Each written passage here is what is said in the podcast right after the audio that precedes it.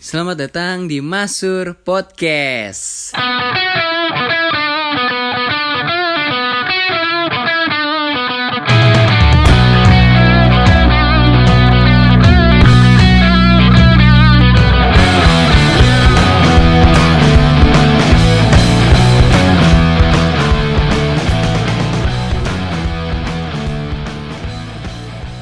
Ya, episode kali ini temanya menarik banget dan gue nggak sendiri lagi, gue yang sendiri lagi.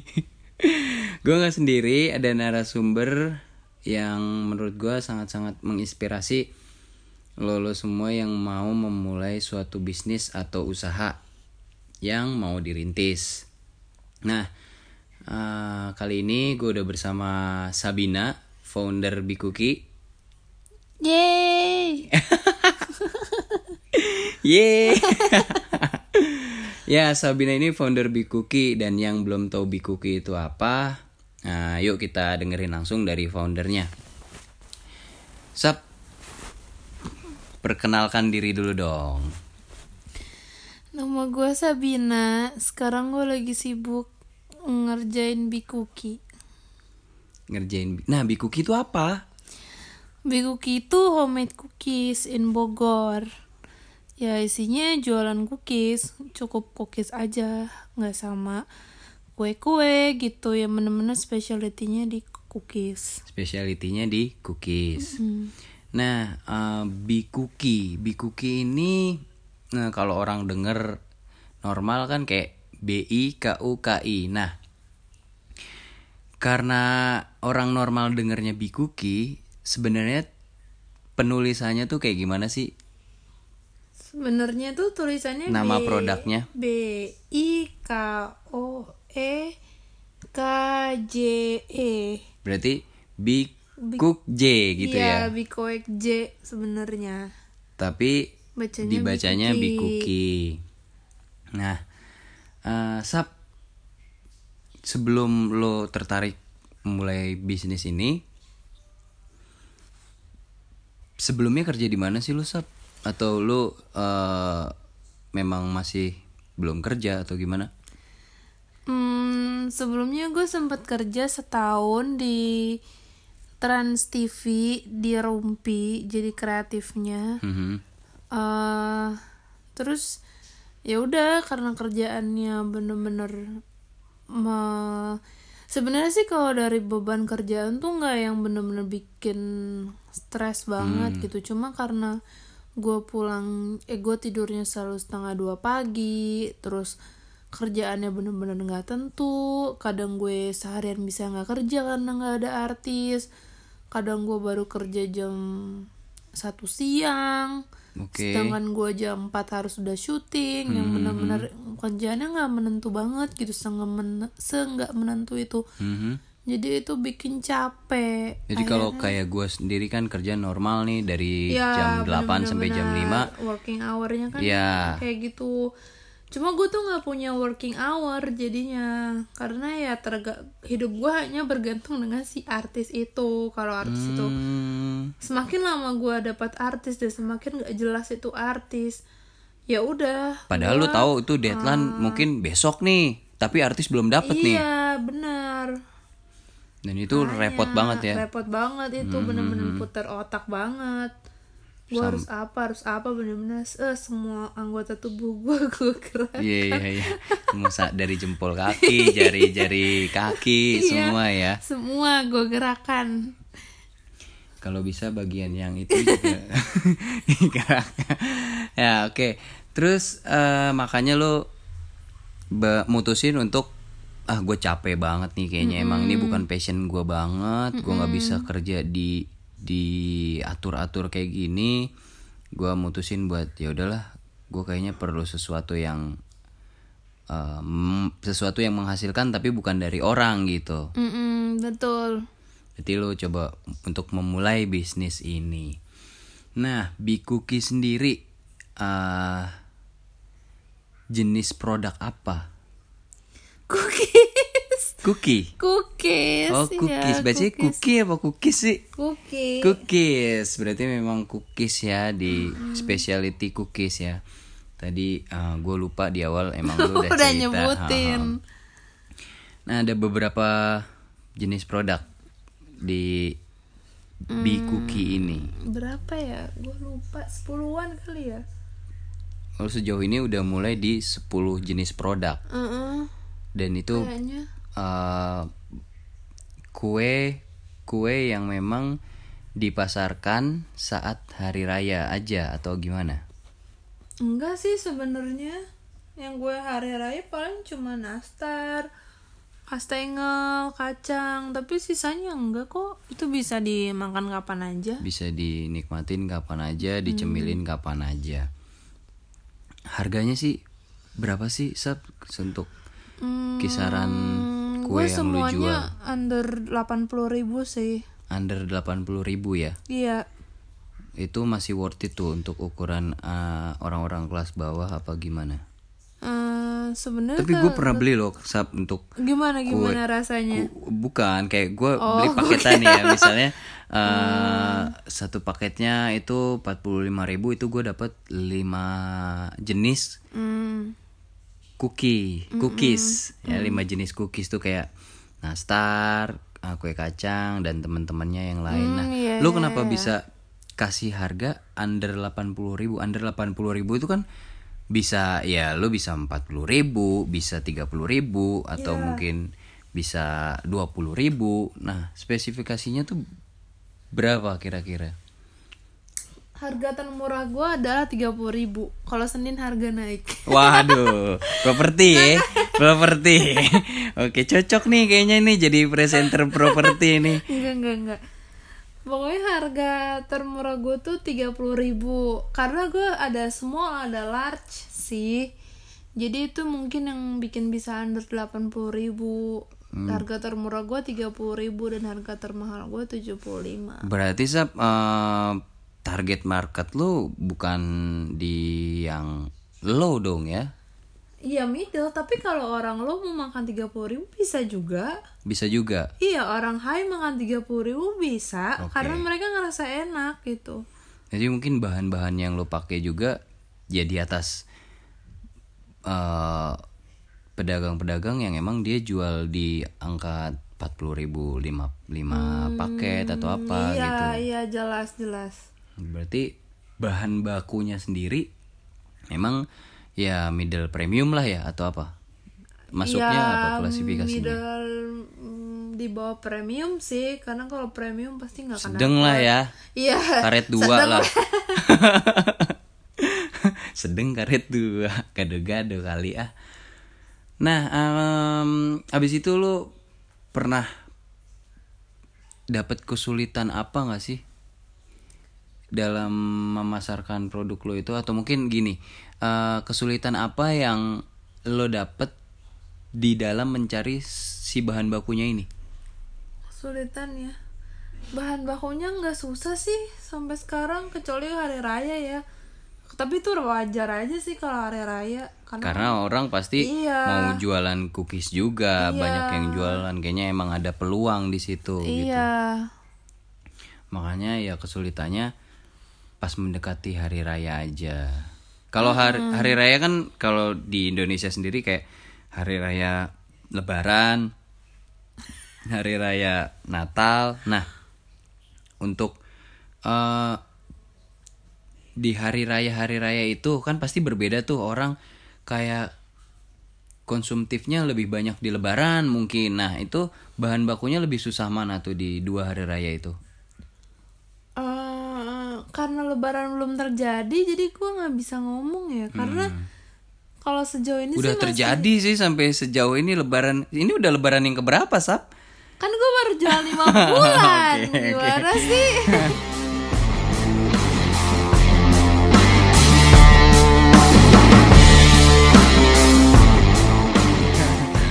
Iya. sih karena ya gue belum bisa target kayak yang beli juga gue belum tahu berapa baru nanya-nanya doang Berarti kan ini bener-bener jualan di lebaran pertama lo ya iya Oke. Nah, terus kesulitan lain selain lo mencari pro- eh, bahan baku tadi, kesulitan dalam memasarkan produknya tuh lo kayak gimana sih? Ada dapat kesulitan-kesulitan nggak? Hmm, Karena lu kan baru, Sap. Iya susah sih awal-awal kayak ngenalinnya terus kenapa gue harus beli ini ya susah Dari nama aja kayaknya lu mikirnya berat banget tuh Bi- Bikuk J gitu. Itu kan susah. iya sih cuma ya gimana ya karena gue juga nggak karena target gue ya balik lagi medium medium gitu me- Medium rare. mid- Medium rare, oke. Stick dong. middle targetnya Hmm. jadi namanya juga pengen agak-agak mm, keren lah gitu Keci lah ya. Iya. Keci-keci ketahe. terus tadi pertanyaannya Aduh, gue sereceh itu ya. Oke. Keci-keci hotahe. bum bum Ciki ciki bum bum. Ah, jauh jauh jauh. Nah, eh, apa tadi kesulitan sampai Oh, lupa iya, tuh iya. kesulitannya dalam memasarkan produk lu. Tadi apa? Pertama apa karena produk lu baru, terus gimana Iya. cara dikenalnya juga. Biasanya kan pakai zaman sekarang sap, ya lu tau lah ada Facebook, ada Instagram, ada eh, Snapchat atau ada Line. nah itu ya mungkin lu memakai media-media media partner itu ya, media partner untuk memasarkan bisnis lu. Instagram sih Instagram paling sih ya.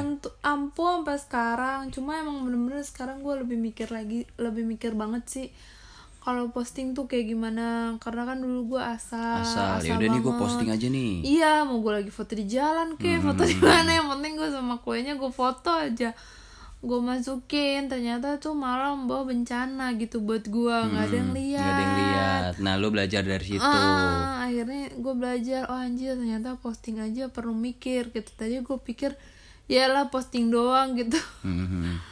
Ternyata ini bener-bener perlu Ada mikir. ada cara-caranya ya kayak hashtagnya juga diperhatiin. iya gitu-gitu bener-bener. Wah gila sih. Bener-bener gila banget. Gila apa nih? gila Instagram harus bener-bener mikir ternyata. Oke. gue kira Instagram adalah pekerjaan termudah yang kalau gue temui. Ternyata itu susah. Selain dari memasarkan sap karena lu juga eh, bukanya ini memang perdana ya ya. Lu ini usaha lo perdana. Ada nggak sih sap selain lo yang bantuin bikin bikin ku- kue lo ini? Apakah lo sendiri? Kalau rame banget, gue minta tolong tante gue sih. Tapi kalau enggak gitu hari-hari biasa ya gue doang. Berarti ini tuh emang bisnis homemade gitulah ya. Yuk, Homemade cookie gitu. homemade dan handmade. Gue nggak pakai mesin untuk nyetak-nyetak kalau lo tahu.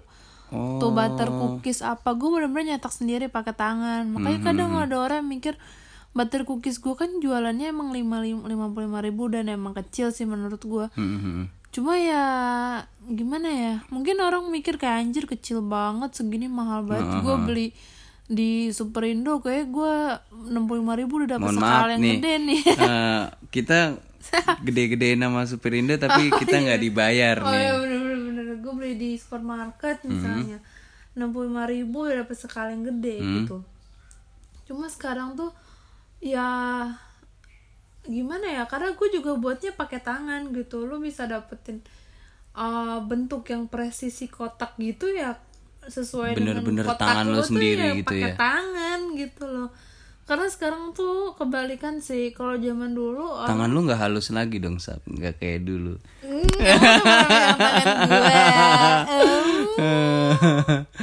Oke, terus terus terus. Iya, kalau dulu kan orang semakin pakai mesin semakin mahal kan. Kalau sekarang tuh semakin pakai tangan semakin mahal. Oke. Gitu. Jadi gue bener-bener gimana ya? Ya udah gue no comment dah. Nah, karena emang ini homemade, toko-toko mana aja yang emang nyediain bahan baku lo, Sap? Iya banyak, gue nggak boleh nggak bisa lah gue Ya, nyebutin oh, oke. tokonya Se Cibinong dan Bogor itu paling banyak di mana? Bogor. itu paling lengkap tuh di Bogor Mm-mm. Oke, berarti memang eh, Bogor, teman-teman yang mau buka usaha kue di Bogor ya lu ubek aja sendiri di Bogor. Itu banyak banget menurut Sabina yang emang recommended. Terus eh di mana sih orang bisa dapetin produk lu Sab? bisa order lewat Instagram atau WA atau line at bkoekj At bkoekj udah Udah, berarti itu di Instagram eh, Instagram teman-teman kalau yang mau follow eh Instagramnya Bikuki ada di @bikoekj bikoekj terus di line ada? Ada bkoekj juga di line juga @bikoekj terus di WhatsApp ya juga juga Bikoekj. bisa. Nah, um, Bikuki ini tadi lo belum jelasin sih Sab, lo mulainya dari bulan apa? Dan dari udah berapa lama jalannya nih usaha ini? gue mulai dari bulan Oktober berarti sekarang udah lima bulan Udah lima bulan berarti ya udah ya udah lumayan lah hampir satu tahun. Kalau ibarat bayi ini bayi udah lagi kayak belum ada apa-apanya ya Sab ya? iya lah lima bulan masih nyusu bayi Masih nyusu iya. Baru Tapi sekarang nggak nyusu doang. Sab bayi Sab. ngapain Sekarang di eh, bayi nggak nyusu. jadi Ya bayi sekarang nggak nyusu. Dia langsung dibawa gitu eh, ke sapi-sapi yang emang dia parah banget parah banget parah lagi langsung dikenyotin di situ aja. Biar cepet gede bayinya, Sab. Nah, dalam kurun waktu lima bulan itu pesanan lo paling banyak dapat berapa order, Sab? Apakah nyampe 1000? 500? wow enggak sih belum pas Natal sih berapa ya tiga ratusan kalau nggak salah Natal tuh 300-an. iya Oke, sampai sekarang? Dalam kurun waktu lima bulan ini berarti me- memang memang masih di angka 300-an lah ya. iya 300 sih gue belum lihat lebaran ini Oke. Eh, 300 piece berarti ya. ya 300 space Ah, nah, eh, kenapa sih Sap lo lebih tertarik nekunin bisnis cookies ini? Cookie ini?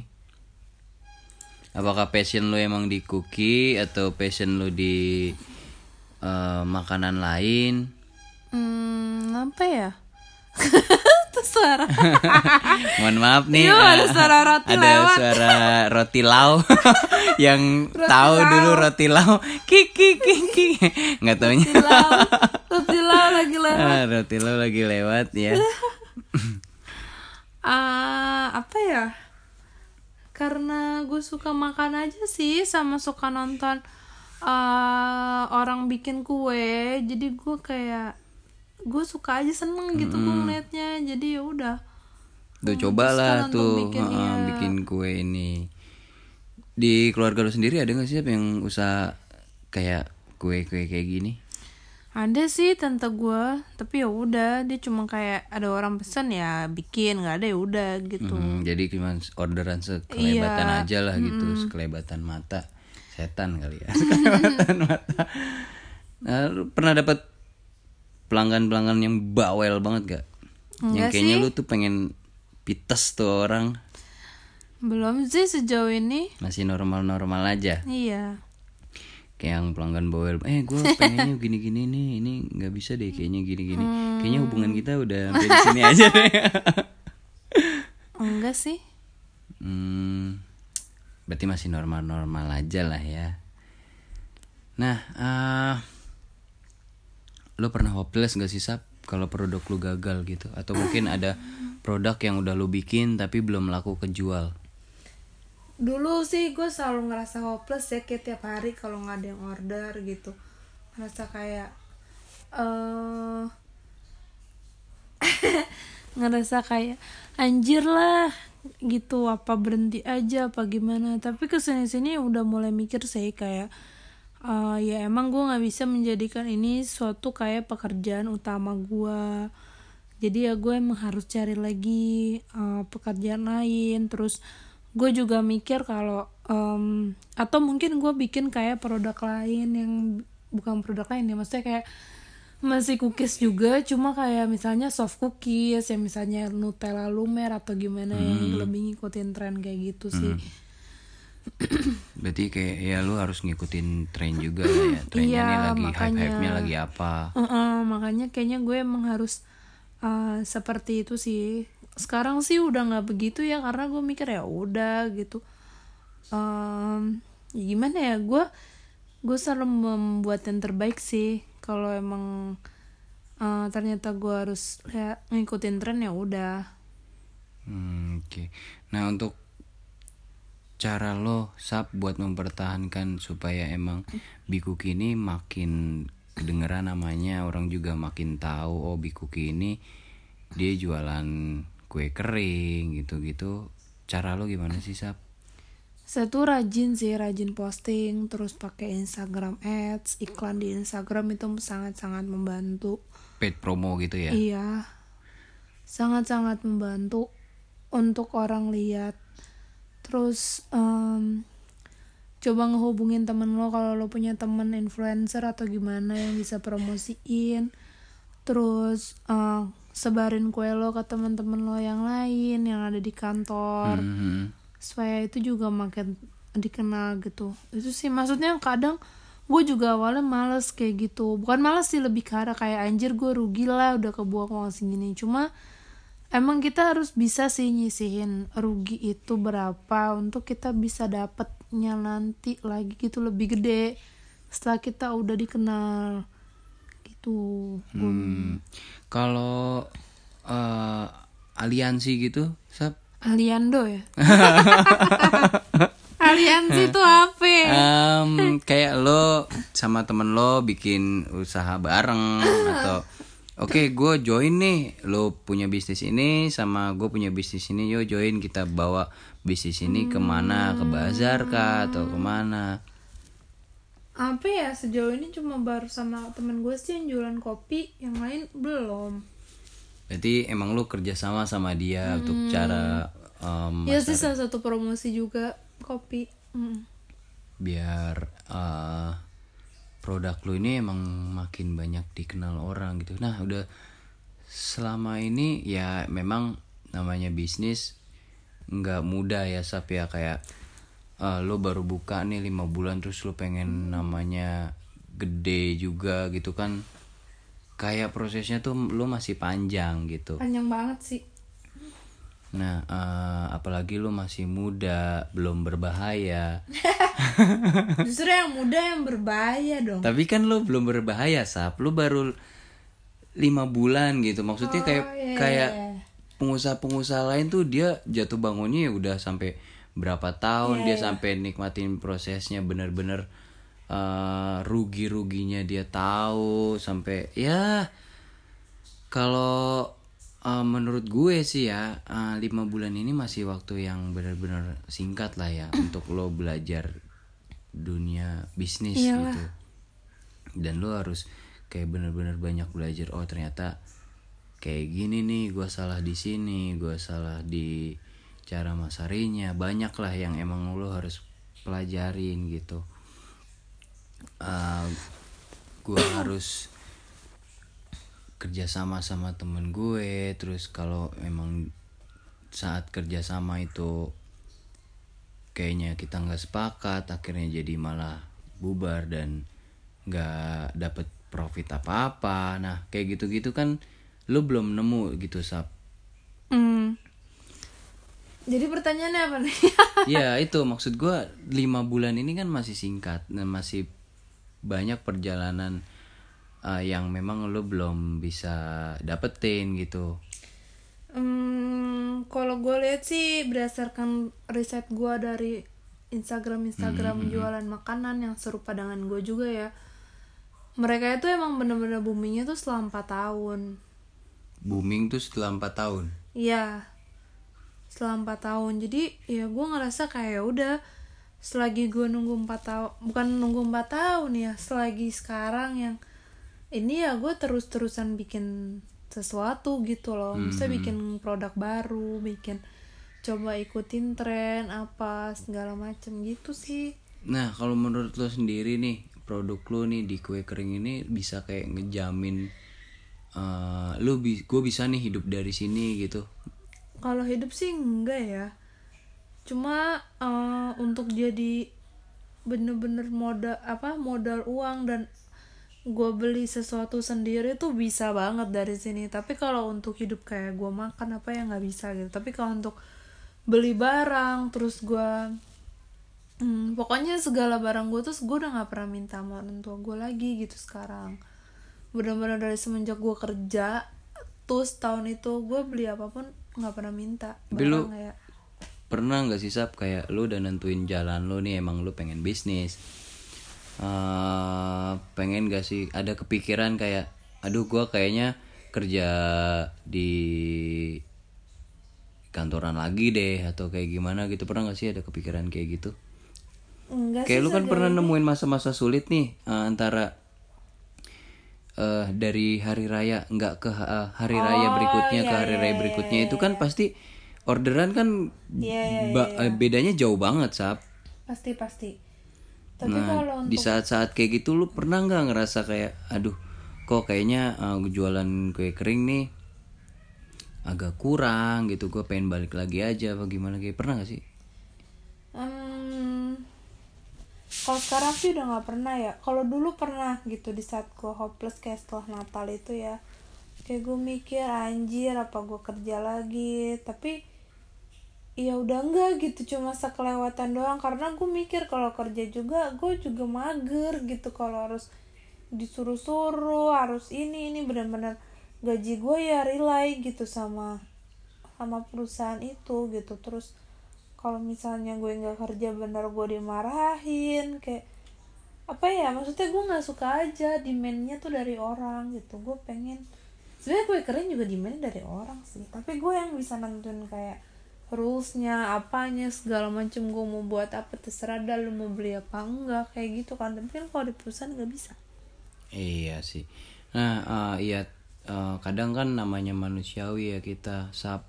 Oh, untuk eh, aduh gue kayaknya ini kok nggak laku apa lakunya sedikit. Kayaknya memang gue harus kerja di kantoran lagi dia kan namanya kayak gitu kan pasti manusiawi ya. Ya gue juga pernah merasakan gitu ketika gue udah memilih satu pilihan terus gue terjun di pilihan itu ternyata pilihannya tuh nggak sesuai sama ekspektasi gue gue cepet ngerasa ngeluh gitu. Hmm, kalau gue sih ya sih ada sih ngeluh. Gue dulu setiap hari ngeluh gue kayaknya anjir gue kerja apa kerja apa. Tapi setelah ke sini setelah apa ya setelah gue ikut bazar itu sih sebenarnya gue mulai mikir kayak ya udah emang emang harus bisa let it go dan kayak ya udah lu kalau bisa cari produk lain lo ikutin tren atau lo cari bisnis lain gitu selain kue ini gitu sih.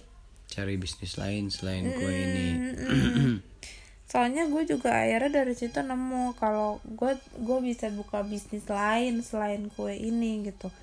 Supaya hidup gue tidak hanya bergantung dengan kue ini. Mungkin dari dari hasil kue kan gue udah sekarang itu gue dapat fix income kan. Fix income dalam arti kalau dulu kan income gue nggak tentu tuh kadang ada kadang enggak. Enggak iya iya. Nah setelah bulan Januari, pokoknya setelah bulan Natal itulah sebenarnya gue udah dapet fixed income, pokoknya sebulan berapa gitu. Ya memang itu nggak bisa sih memenuhi kayak makan dari situ atau apa. Gue paling cuma bisa nabung sama beli barang-barang yang gue pengen gitu. berarti sebulannya lima bulan ini adalah awal yang bagus untuk lo memulai sebuah usaha ya di Nah, lalu gue eh, akhirnya gue buka, gue coba untuk kayak eh, sama teman gue untuk buka eh, tempat baru gitu. Hmm, jadi eh, jadi ya udah maksudnya gue buka bisnis baru yang bukan ini gitu yang menurut gue em, lebih menjamin lah gitu. Maksudnya kayak balik modalnya udah ada hitungannya dan lebih cepat aja sih. Jadi gue bisa misalnya gue dari kue ini gue bisa beli apa. Nanti dari gue bisnis gue satu lagi gue mungkin bisa nabung untuk misalnya gue beli eh, mobil beli rumah apa Hmm. segala macam gitu. Bisnis terbesar lu sap? Ini kan ini bisnis awalan nih sap kue kering. Lu punya eh, kayak cita-cita nggak sih? Kayak gue nih cita-cita gue pengen buka bisnis yang ini loh sebenarnya yang pengen gue bikin. Makanya mungkin awalannya lu mungkin dari kue kering ini menuju ke bisnis yang selanjutnya sampai nanti bisnis bener-bener yang real yang lu inginkan tuh udah capai gitu. Apa sih Hmm, apa ya bisnis besar lu sebenarnya bisnis, bisnis besar, besar impian lo bisnis impian gua apa ya sebenarnya mungkin event kali ya event Hmm. tapi gue pengennya sebenarnya di otak gue adalah gue pengen bikin yayasan oh itu iya itu tapi itu kan di luar dari bisnis Sap. Iya, tapi maksud gue kayak gue nggak tahu cara dapetin uang gimana untuk gue bikin yayasan. Hmm. Jadi gue mau mulai dari bisnis. yayasan tuh maksudnya lu mau bikin sekolahan gitu Gue Sap? mau bikin sekolah bukan sekolahan kayak yayasan apa nih rumah belajar aja buat anak-anak jalanan. oh rumah belajar buat bantu anak jalanan lah gitu lah ya Hmm, itu sebenarnya adalah wow di balik Poin muka yang gua. sangat menyeramkan ternyata Ngaco jiwa sosialnya memang tinggi banget ya Iya, itu adalah big goals gue gitu. Jadi setiap kayak bisnis misalnya gue lagi kan jalanin satu bisnis Iya, ini. jadi gue mikir kayak apa ya, gue bisa belajar apa dari oh gue bisa belajar sosial media misalnya, Mm-hmm. karena gue bener-bener belajar sosial media banget tuh dari Bikuki, gimana gue ngedit foto, gimana gue ngambil foto, Mm-hmm. gimana gue posting. Posting itu semua gue belajar dari Bikuki, jadi itu mungkin yang bisa gue ambil gitu ketika oke gue next bikin selanjutnya gue pede gitu kalau gue suruh me- megang media sosial gitu. Karena gue udah dapet pengalamannya gitu. Dan udah puji Tuhannya udah ada yang ngelirik gitu dari apa yang gue kerjakan. Akhirnya gue ditawarin kan photoshoot tanpa gue bayar, bayar. gitu. Oh. Jadi gue mikir kayak berarti lu oh dapat iya, free gitu ya? Iya lumayan banget deh fotonya bagus banget Nah maksud gua kan gini Sap. Lu kan lima bulan ini Ini bisnis awalan kue kering Nah untuk mencapai goals lu yang gede banget tadi itu Iya. Berarti kan ini kayak sebuah pembelajaran gitu gak sih? Betul, betul. Jadi gue kayak sekarang ini kan setelah ini gue ada bisnis eh apa bikin les kursus gitu franchise gitu Franchise, sih. Franchise les ha-ha. kursus eh itu sama teman gue Mm-mm. terus ya mungkin dari sini gue belajar gitu gimana cara gue ngelobi orang tua belajar gimana gue ke institusi ke sekolah-sekolah Yang lu emang belum pernah coba Iya, itu gitu. Kayak itu jadi satu pengalaman Ya, buat lo juga. Nanti itu pas gue pikir aja sih itu pasti akan berguna buat yayasan gue nanti karena gue pasti gue tuh pengennya dari di yayasan itu anak itu nggak cuma sekedar belajar cuma mungkin kita bisa bantu mereka ketika mereka nggak bisa misalnya mereka nggak bisa ujian Hmm, atau apa itu kan harus gimana sih negosiasi kita sama sekolah Hmm, sama pemerintah? Nah mungkin gue bisa belajar lewat kursus ini. Berarti kalau yayasan yang pengen lu bikin itu kayak dia foundation gitu ya? Iya gak sih? yayasan sama dengan foundation, Foundation sih. Iya. Maksud gua kayak eh, Gini-gini Muka. Eh, foundation muka. Iya kali ya maksud gue ya foundation buka bukan jadi kayak apa sih? Apa sih gak jelas? Eh, ini lu bikin yayasan itu kan pasti butuh modal yang gede. Dan Iya. eh, anak-anak yang lo mau ajarin itu pasti kan keterbatasan biaya.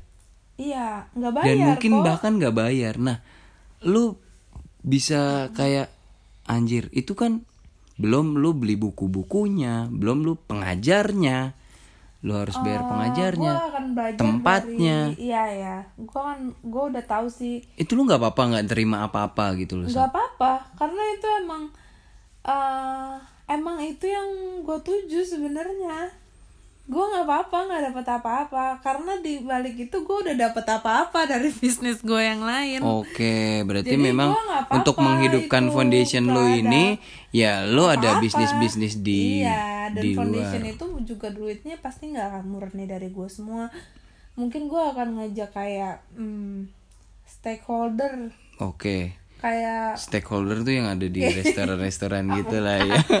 iya mas.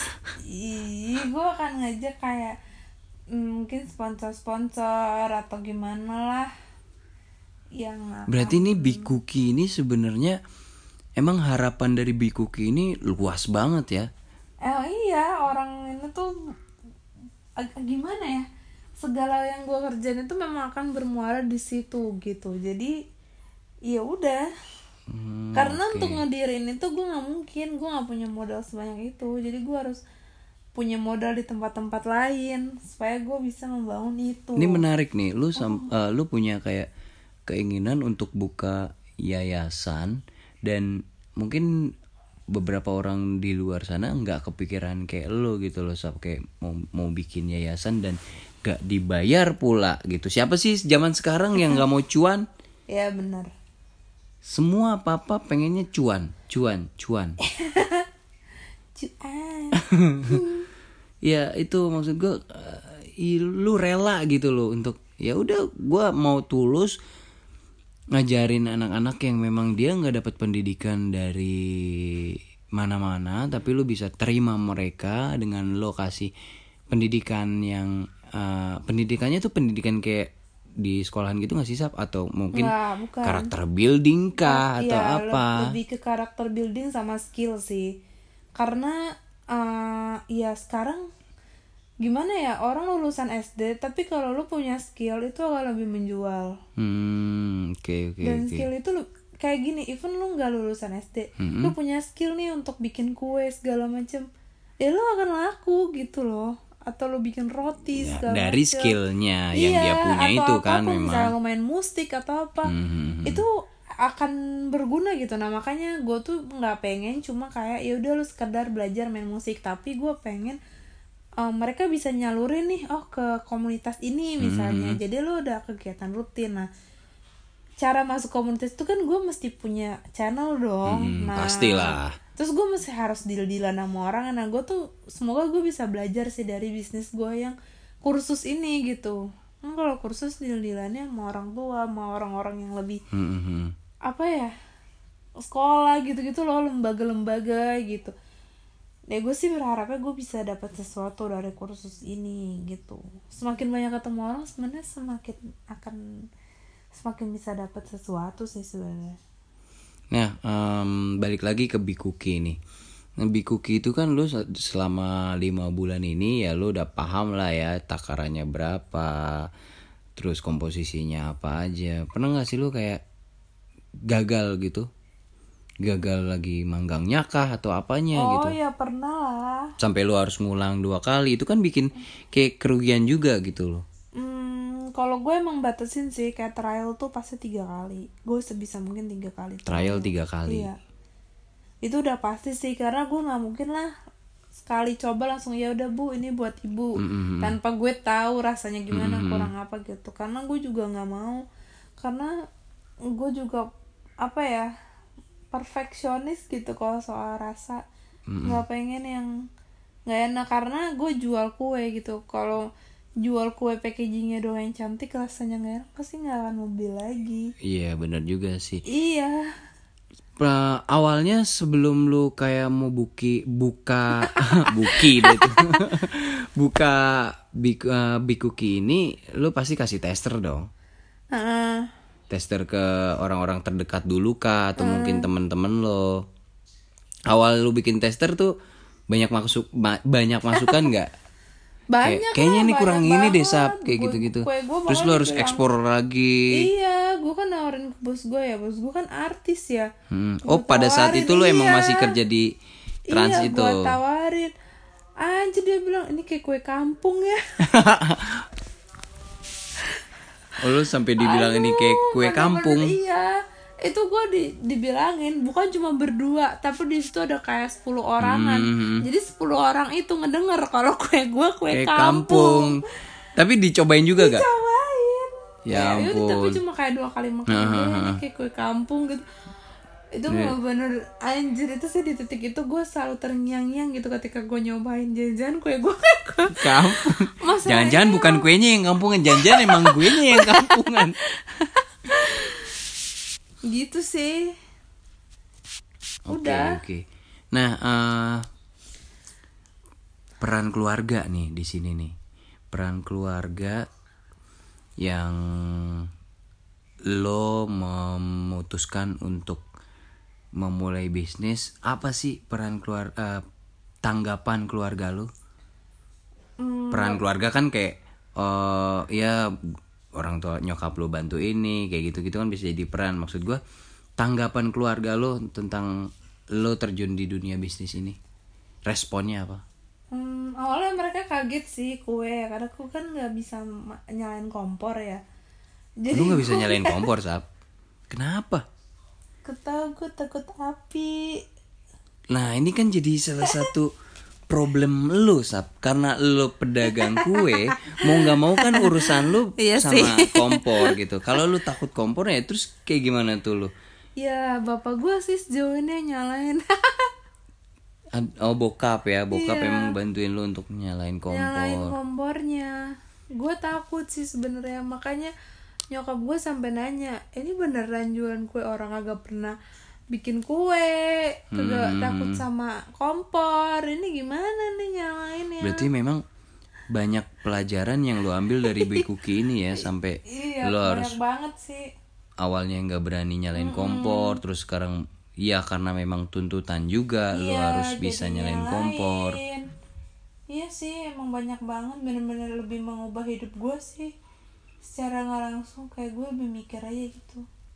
Hmm, oke oke. Nah, terus eh, boleh nggak sih lu kayak bagi tips untuk temen-temen nih yang emang dia mau mulai Tips, bisnisnya eh, dari lo yang udah mulai ya memang belum lama sih Eh, dalam kurun waktu lima bulan ini yang bisa lu kasih. eh, kalau misalnya lo lagi situasinya kerja, itu memang agak berat sih kerja sekaligus bisnis. Hmm, hmm. Tapi kalau lo bisa lakuin itu bagus banget lah. Cuma tipsnya itu eh, satu lo emang jangan takut sih. Itu beneran.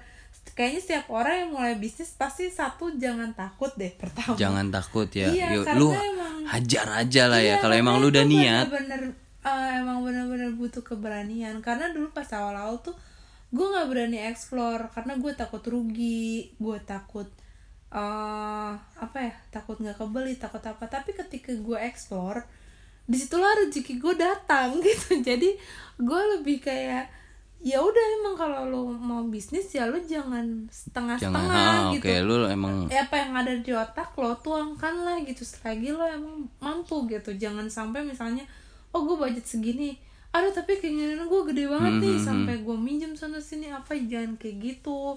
Jadi Jadi kalau kebanyakan ide action nggak ada ya susah Ah, juga ya iya emang. Makanya kalau misalnya lo udah mau bisnis ya udah gitu. Misalnya lo punya budget sekian eh, di otak lo sekian gitu ya. Mm-mm. kerjain gitu jangan sampai otak lo bayangannya lebih gede daripada duit yang lo punya. Nah lo harus bisa fleksibel dua fleksibel sih satu lo jangan takut. Dua fleksibel. Dua fleksibel, oke. Hmm, orang bisnis itu harus bisa fleksibel karena eh, ya itu kadang kita punya budget segini tapi Mm-hmm. biar lo udah gede banget nih maunya gini gini gini. Nah lo harus bisa fleksibel menyesuaikan budget lo gitu. Atau lo mau kerja keras untuk sampai budget itu kumpul sesuai dengan di otak lo fleksibel itu bisa jadi dua cara eh bisa juga kalau gue kan pedagang kue kayak eh, cari apa bahan-bahan misalnya mentega mungkin gue susah segala macam. Nah gue harus bisa mikir nih ini apa ya eh, penggantinya gitu. Supaya eh, gue punya penggantinya nih selain ini yang mungkin rasanya sama gitu. Jadi harus bisa fleksibel dari sisi itunya sih menurut gue Oke, selain fleksibel, apalagi ya? Ketiga tekun. Tekun.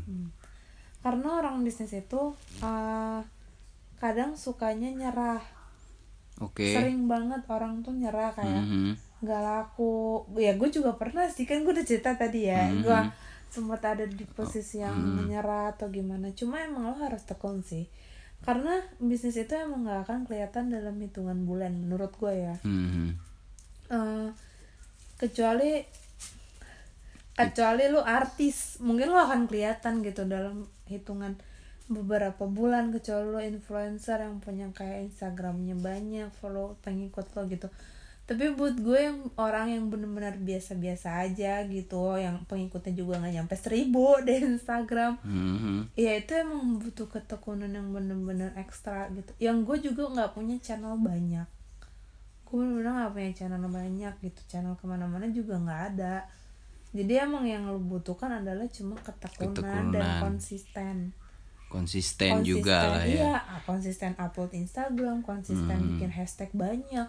Bikin hashtag banyak itu juga perjuangan menurut gue siapa sih yang betah sampai 20 hashtag? Iya iya. Ya kan? Nah itu yang kayak ketekunan konsisten itu tuh perlu banget karena ya lo nggak tahu aja buah dari itu tuh bakal lo nggak tahu gitu. Kayak datangnya kapan tuh nggak tahu gitu loh. Kayak gue sebenarnya gue ditawarin ditawarin untuk foto foto itu udah banyak banget gitu ditawarin untuk banyak foto tuh banget banyak sih, banget ya lima orangan lima enam foto orang produk gitu. nih gue mau nih eh, foto produk lu dong gitu Iya, iya benar. Ada influencer mana, ah, terus ada foto produk yang mana yang nawarin ke gua gitu juga ada.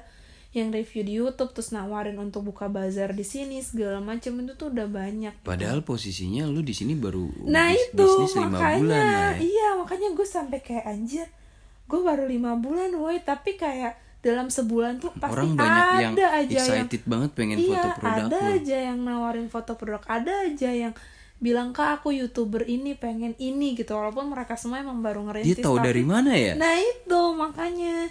Kayak lo bisa dapat itu ya ketika lo tekun gitu. Sampai akhirnya gue dapet Hmm. yang gratis dan bagus itu gua gua sih mikirnya karena ya ya karena gue tekun Hmm. nge-hashtagin itu dan gue sering dan gue juga belajar gimana cara ambil angle fotonya gitu yang terakhir sih lo lo jangan putus belajar beneran jangan putus belajar iya itu terakhir apa pun yang banget. emang lu dapat ya lu, lu Iya, lo- terima itu lo sebagai ambil suatu gitu. bentuk iya, lo belajar pembelajaran lo bisa belajar apa dari situ bener-bener belajar deh dan riset banget gitu kayak ini apa ini apa bener-bener harus lo pikir lo analisa banget gitu gitu Oke. sih dari gue Eh, untuk terakhir nih sap eh, di terus ya Iya, kenapa kenapa Enggak, enggak, enggak, enggak, enggak. Ya, kenapa aus. Oh, oke oke oke. Eh, terakhir nih Sap, terakhir harapan lo dari Bikuki ini apa? Harapan terbesar lo dari Eh, Bikuki ini harapan apa? terbesar gue sih sebenarnya orang Bogor itu punya option lain. Mereka bisa beli kue kering enak mereka bisa nikmatin cookies enak tanpa lo harus um, maksudnya dari dari yang udah ada gitu. Kayak yaudah orang Bogor punya satu yang emang mereka bisa uh, banggain bisa mereka lihat gitu.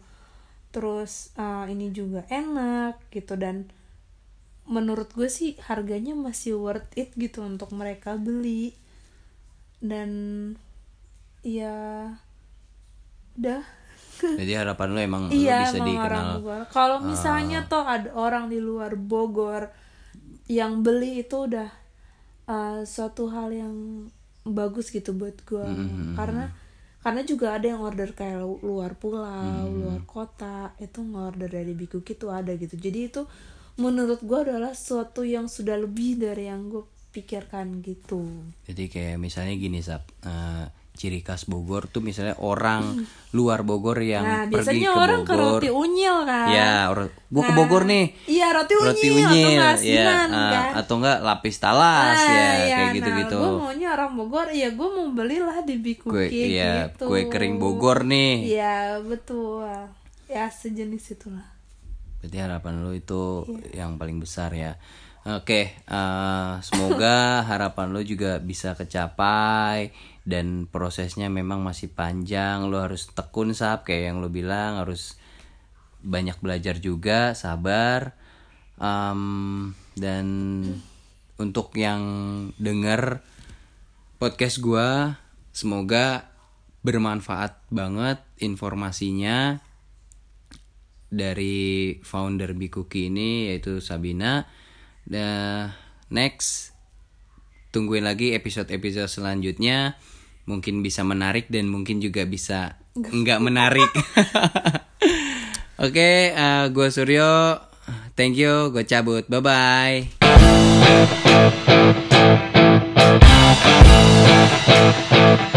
We'll be right back.